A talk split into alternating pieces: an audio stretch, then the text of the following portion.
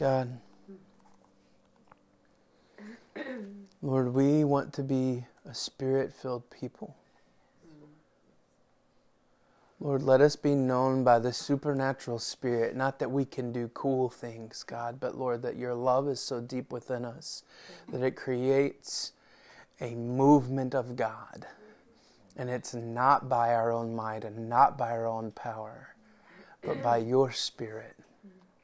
So, God, come breathe.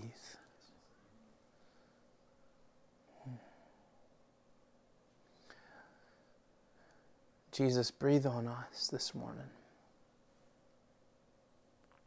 Lord, whatever that is, that holy, refreshing breath by you, Lord, that's what we seek in these moments.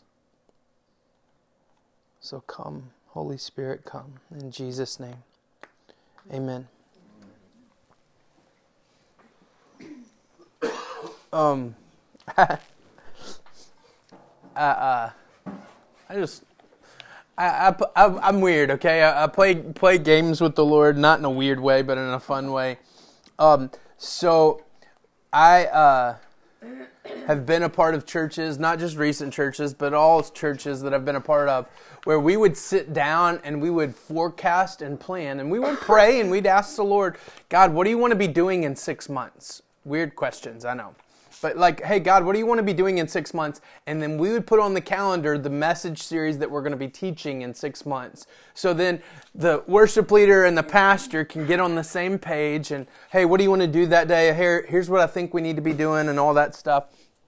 And so in this season, I, I, it's not unorganized. I've just been, Spirit of God, you've got to unite. You got to do things. Y'all, I'm teaching on walking in the Spirit this morning, and Jason just picked that song, we hadn't talked about it at all. And and so let look, let's watch this.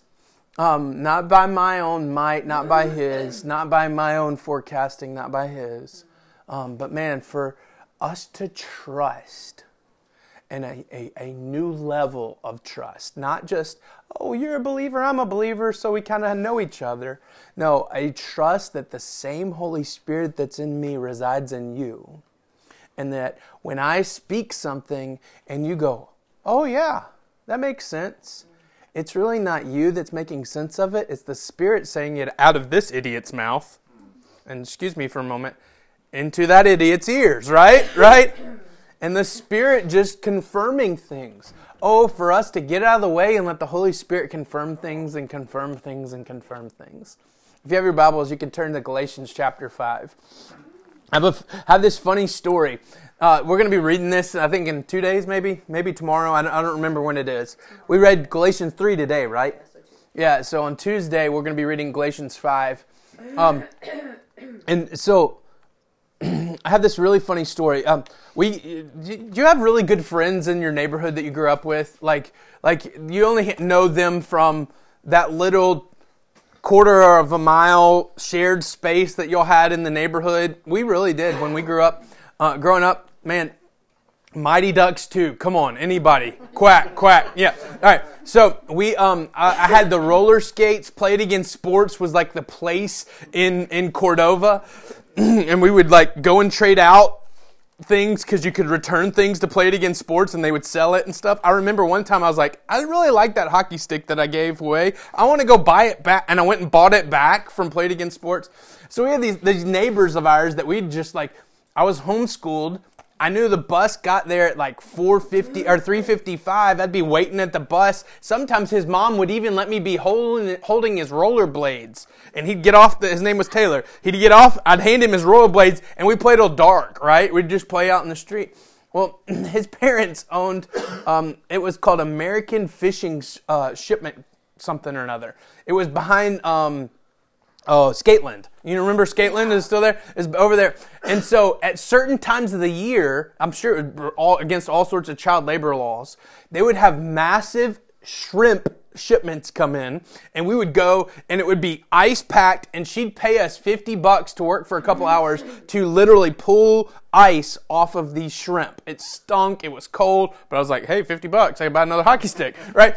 and so um, it was this weird thing. Like my parents kind of knew them, but hey, we're gonna take your kids to this weird warehouse and and behind Skateland Are, are you okay with that? What are you to do?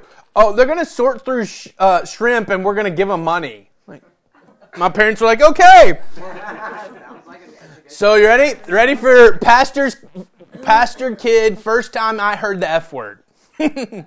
we're getting on the interstate. We're getting on the interstate right there at Wolfchase, and I'm in this lady's car. She's a great lady, and I, she ultimately I led her son to the Lord, and they came into the church a little bit and stuff like that. But that interchange where you're getting on I-40 going into town, the person coming the other direction didn't yield. And for some reason, just remember this stinking yield, stinking yield, stinking yield. But she wasn't saying stinking, right? It's just, it's just this is this. It's stuck in my nine-year-old brain. Like, what is that word? Right? Like, like it just stuck out. And I learned what it meant to yield in those moments. Right? Right? Right? I think about that every now and then when I get on that interchange. Like, Miss Terry told me how to. Like, I, it's stuck. Right? when we talk about that word yield, when we understand the concept of what yielding means, in a spiritual context, it's everything. That passage that David prayed, God's mercies have to be new every morning because when I fall asleep at night, I have this new war that I'm starting when I wake up because all night long the flesh has been resting, getting ready for the new day. And if I don't get the flesh to yield, ooh, it's no good. Here, you want to turn the fan off? um, I have this innate thing that happens deep in my spirit that rejects things of God without desiring to. And what I mean by that is the thing that I don't want to do, I do anyways. And the thing I do want to do, I don't do. Paul says, Oh, what. A, look, Barry broke it. I didn't break it. Max and I broke it the other night with a football. yeah, people listening to the podcast are like, What is he talking about? Um, Bear Klein just broke my lamp. um, no, the, the, the, Paul says, What a wretched man I am, because when I wake up in the morning, I have this desire that's just as profane as the most profane person on the planet. In Galatians 5, it talks about this. But what does it mean to live a life surrendered? what does it mean to walk in the Spirit? These are all these church terms that we've all heard, but really, uh, like, it's okay to ask the question, how? What am I like like what am I supposed to do? What does that mean practically? Today I want to practically talk through what it means to live a spirit-filled life, how to walk by the spirit and not by our own might, not by our own flesh, not by our own power, but to live a life that is yielded. to give way the power of let if I let the Spirit live, if I let go of my own, the um, concept of surrender is a powerful concept. I give all my rights to you as a last chance resort. I've tried to fight this battle and I'm getting my tail kicked. So, because of that, Everything I've ever known, I give up, I surrender.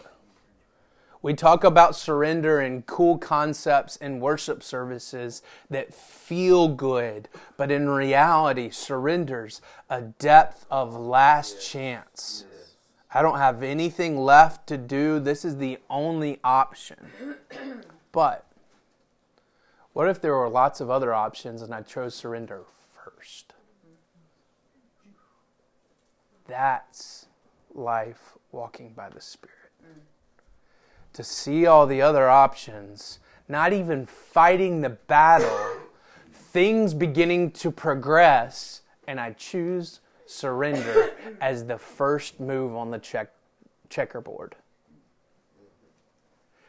That's what life yielded means. That's what life surrendered means. What does this look like? If you in Galatians chapter 5 verse 16. But I say, walk by the Spirit, and you will not gratify the desires of the flesh. For the desires of the flesh are against the Spirit, and the desires of the Spirit are against the flesh. For these are opposed to each other, to keep you from doing things you want to do. Think about it for a moment. As soon as you guys leave, I know what I want to do this afternoon. I haven't even told the kids this. Animal Planet has the Puppy Bowl this afternoon. What is that? I don't know. We're going to find out. Right? You can watch the Puppy Bowl. We were watching the news the other day, and there's a there's a Shelby County representation in the Puppy Bowl from the Humane Society, right? What's the puppy? I have no clue. But I want to do that. That's a choice that I have. I have millions of choices that I make within a day. What if those choices were 100% filtered through the Spirit, or at least attempted to? He says this If you walk by the Spirit, you won't gratify the desires of the flesh. So flip it, the inverse. If I walk by the flesh, I won't gratify the desires of the Spirit. The simplicity of this statement doesn't reveal the struggle that is the reality. I was born this way. I've always done this. The easy, natural bent in my own spirit is the de- default. My default is gratifying the desires of the flesh. If you don't believe me, who taught you how to lie? It came naturally to me. Who taught me to scream for the thing that I want as a child? No one. I must gratify those natural desires in order to feel my own accomplishment, my own deeds. Understand that a life lived out without surrender or yielding to God does not progress towards better things. So many of us want to talk about progression or, uh, oh, he's not moderate, he's not conservative, he's not liberal, he's a progressive. Watch this, understand this, and I'm not making a statement about polit- political things. Understand that we were made in the image of God. Sin came in that first generation. So every image reproduced after that had this little seed of sin in it. So ultimately, we know the progression is further away from the image of God, not towards. Generation after generation after generation steps further into gratifying the desires of the flesh. We're not getting better, we're getting worse. I'm really contemplating these things. We live in a, a very offense driven culture. Uh, I, I, like to pick on David because he and I have a very good rapport. David is wearing that jacket. I could start making statements about the jacket, and you all would curl your toes in a little bit, and he would too, because Ryan, what? Wait, now you could offend him. I don't know anything about the jacket, but you could. We we don't we don't talk publicly. Like I might have offended Bear because he broke my lamp, right? Like we don't talk about things in those manners because we get nervous about the offense that might take place. Watch. To live a life focused on offense shows how far we've progressed away from the Father's heart. And watch, the thing that He is might be the most offensive thing in our culture today. When we understand that progression is away from God and not towards Him, the, th- the statement that I think people would understand in the best way possible with as much grace and not trying to cause offense. If I could shout it to the culture, I would. this is not the road for better days. This is not the road for better days. Now, I don't want you to get into the highly religious concept of, oh, well, well, what's the world coming to? Our pastor growing up used to say that all the time. What's the world coming to? And then he'd lean in and go, they're coming to Jesus. Because Jesus is going to ride the white horse and he's going to show up and he's going to become back as King of Kings and Lord of Lords. And so ultimately, that progression that started in the image of Jesus ends with another image of Jesus. But what we need to see is this the ongoing willful choice that I must take is to place my life in a position and um, place of yielded surrender. And that takes the flesh away and gives space for the spirit. When I wake up in the morning, I try as often, y'all, I don't do it as, as good as it sounds like one of those things. The pastor said he must do it every morning. No, I don't do it every morning. In Galatians 2:20, we read it yesterday. For I've been crucified with Christ, I no longer live. Y'all, if I don't picture myself in a dead, flat out, can't do anything state in the morning, then I think I can party. Then I think I did something. But when I when I pray in the morning, Lord, I don't want to live today. I need you to live through me. That changes trajectory of the morning, day, everything. Watch, let's keep reading. Verse 18. Galatians 5, verse 18 says this. But if you're not if you're led by the Spirit, this is a little bit mind blowing to us. If you are led by the Spirit, you are not under the law. Now the works of the flesh are evident sexual immorality, impurity, sensuality, idolatry, sorcery, enmity, strife, jealousy, fits of anger, rivalries, dissensions, divisions, envy, drunkenness, orgies, and things like these. I warn you, as I've warned you before, that those who do such things will not inherit the kingdom of God. But the fruit of the Spirit is love joy, peace, patience, kindness, goodness, faithfulness, gentleness, and self control. Against such things there is no law. And those who belong to Christ Jesus have been crucified the flesh with its passions and desires. Watch this. This sounds crazy, but let me fo- follow my train of thought. The Spirit gives us the ability to live outside the law. In the flesh, I need this control, this order, thus laws and are placed.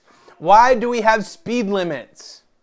That proves the innate desire for my selfish things. I don't care who you are, I'm going to go faster than you are. Amen. So that so that so that I will get to do the thing that I desire and I don't care what you're doing, much less walking, riding a bike, driving your own car.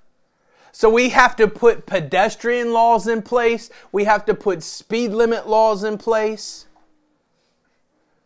What are the other laws that we're talking through right now? That they're talking through on a major scale. They're talking about abortion. They're talking about different different rights for humans. Why do we need these laws in place? Because we're going to screw things up.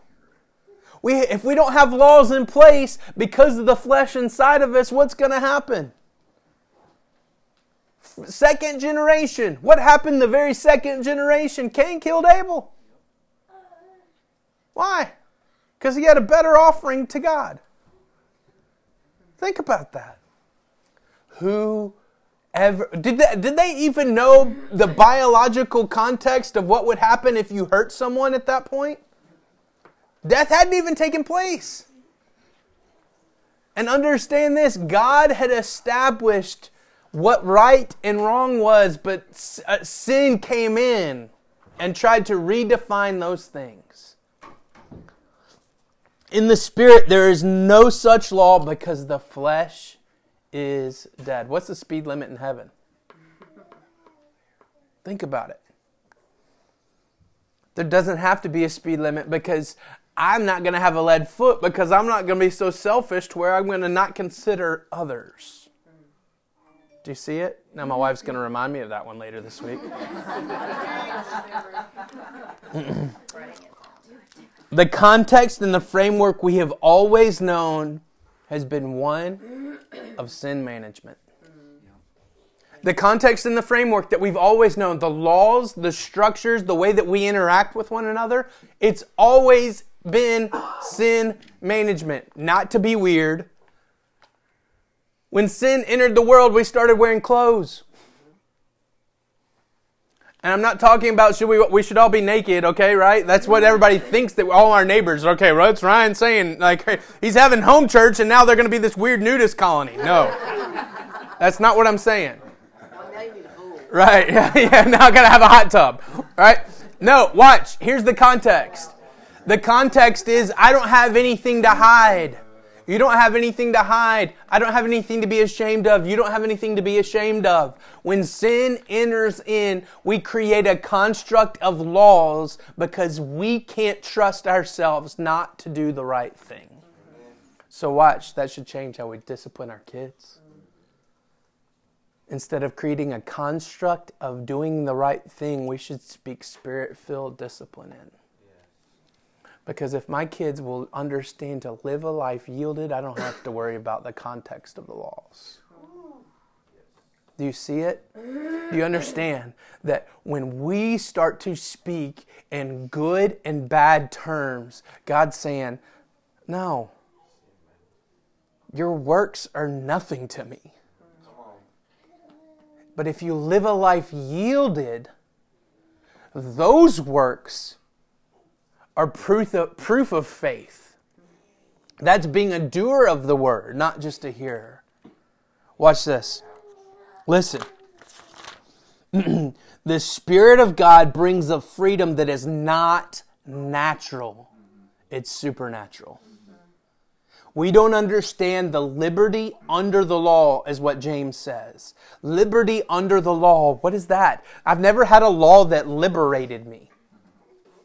Watch this. Just because a law is written to give me certain unalienable rights, that document can change, can it? And my law, my rights can change. But what God's saying is there's a freedom that's not natural, it's supernatural that I've given you. I must have the laws because I don't trust myself. But Paul says a life surrendered is fruit. Look at it. A list of laws or a life of fruit. We have this funny thing. So Anne's parents live in the worst city on the planet, Tuscaloosa, Alabama, and um, yeah, title. They call it Title Town, and it's because no one really knows titles because they're all cousins, right? So, yeah. Um, so, anyways, we have um, we go to Alabama, and then her uh, brother-in-law and sister own a lake house on Lake Martin, one of the prettiest lakes I think um, in the South. And so uh, we go down there at least once a year. But literally, if you time it right, there's this place called the Peach Park. You know what I'm talking about? Think about how crazy this this this concept is. I, I don't know if it might happen overseas and stuff like that, but only and it doesn't. It only, only happens in the South. You're driving 70 miles an hour, and there's a couple of signs a few miles down the road and then they start getting more repeated and then all of a sudden there's Joe with his truck and the bed's open and there's a whole bunch of peaches in the back. And we're like, ooh, let's do that, right? There's something attractive about this this concept of uh, some dude sitting on the side of the road with a truck full of peaches, right? Right. So there's this place we love to stop and get like fruit when we go into Alabama because there's all these guys literally sitting on the side of the road selling stuff.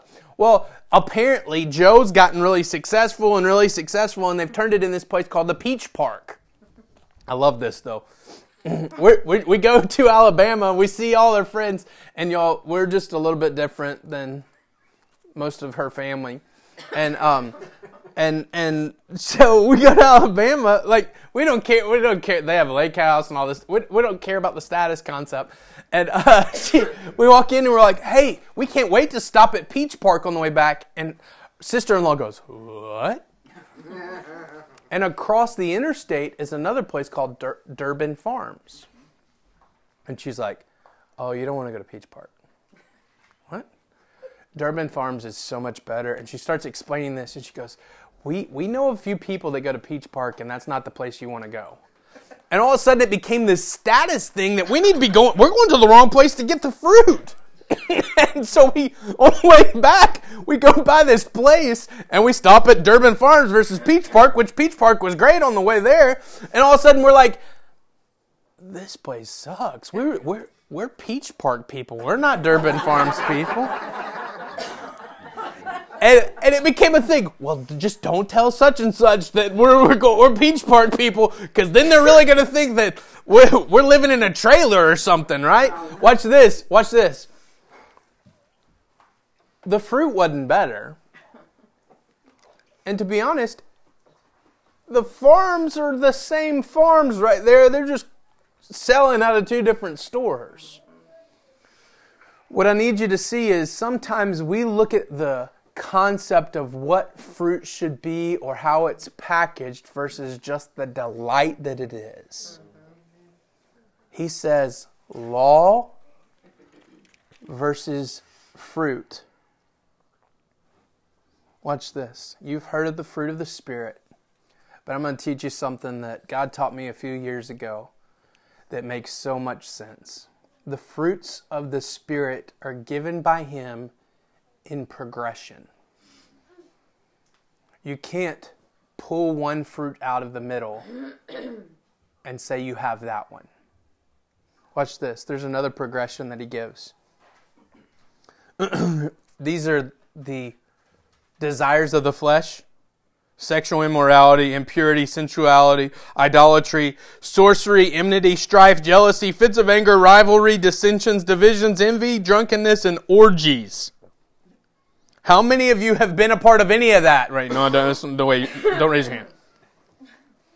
The works of the flesh are examples of life. Watch. Life without self control. When there is no self control, I've just created a checklist of what life looks like. But watch. The fruits of the Spirit are designed to build off of one another love. The primary commandment to the church. I've shared this with you. I keep having this conversation with people. Hey, where's your church? Well, man, you know what? We really don't identify as location. God's really told us to identify as love, and before we move to step two, we're going to really work on step one. Let's identify as love first. See, watch this. Love is the primary thing that every person on the planet can interact with. And joy. You can't find a joyful person who doesn't have love. Joy loves the foundation and joy is the next layer. This comes only when there is love. And then peace, love, joy, peace. Because of joy, that love brings into me, I can step into peace. Think about it.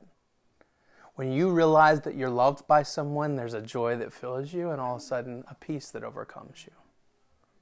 And I love this one patience. Go try to have patience when there's no love, joy, or peace. Doesn't work.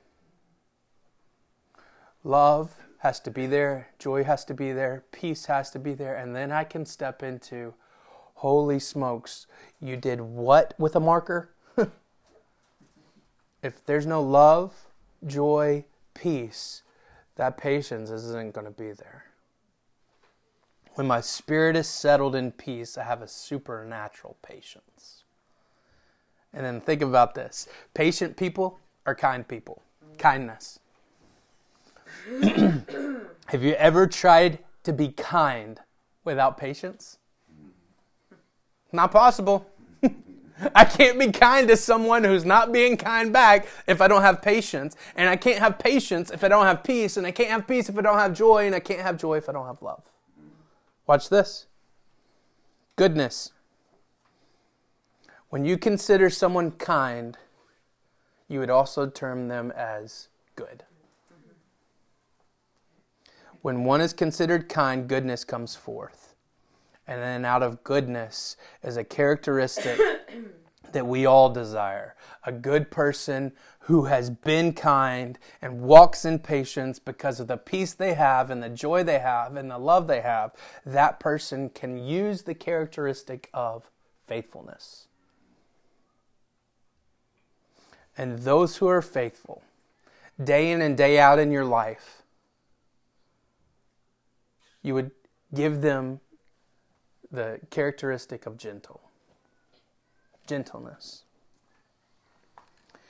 And then when gentleness is in its full characteristic, you see someone with self control. Think about it.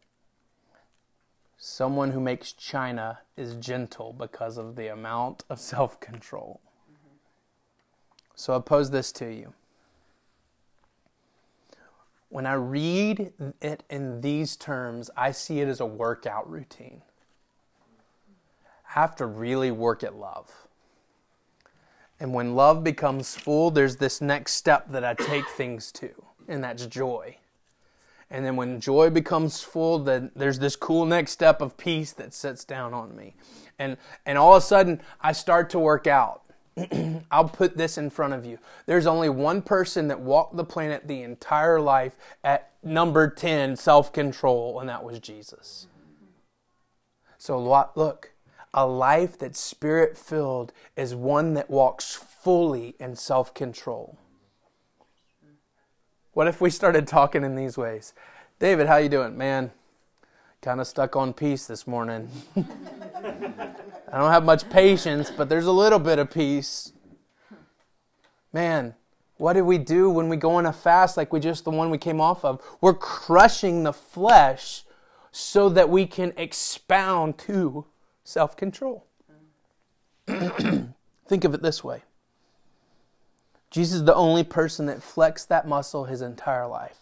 What if I could flex those fruits of the Spirit to where self control was in full flesh, yet flesh was dominated by the Spirit. Only Jesus was able to do that. But I love this. Jesus says this After me will come one who is a helper. And it's the Spirit of God. And that Spirit of God is the helper that helps us progress in His own fruit. Watch. So when I surrender and I yield and I kill the flesh, I give way for the spirit to start its daily workout. How do you walk by the Spirit? How do you walk by the Spirit so you don't gratify the desires of the flesh? You live life letting the Spirit have way you say, God, I don't, I have this list of desires that I want to do today, but they're fully submitted to you. Holy Spirit, come work out. And all of a sudden, the Holy Spirit starts picking up those patient dumbbells. Love, joy, peace is there, but we need to work on patience today, Ryan. And then I get halfway into the day, I stub my toe, do something stupid, yell at the kids, and God's going, hey, let's get back down to love for a minute watch this, a spiritual checklist in your spirit. when things come up and you're saying things that you shouldn't say or you feel something you shouldn't feel, go and test and see do I have love? Do I have, do I have patience? Um, nah, that kindness thing is kind of kicking my tail. The fruit of the Spirit, I love this, is meant not just for your appetite, but it's someone else's. My fruit, I can't eat my own fruit. It's for you. You're the one that really tells if I have love. I can feel it internally, but you're the one that can testify it to it. You're the one that can really tell, Ryan, you're not living life self controlled. So, watch this. Let's be a people who, in the morning, we wake up and realize His mercies are new and realize how great is His faithfulness, that we live life surrendered and yielded so the Spirit can work out everything that it needs to work out. Let's pray.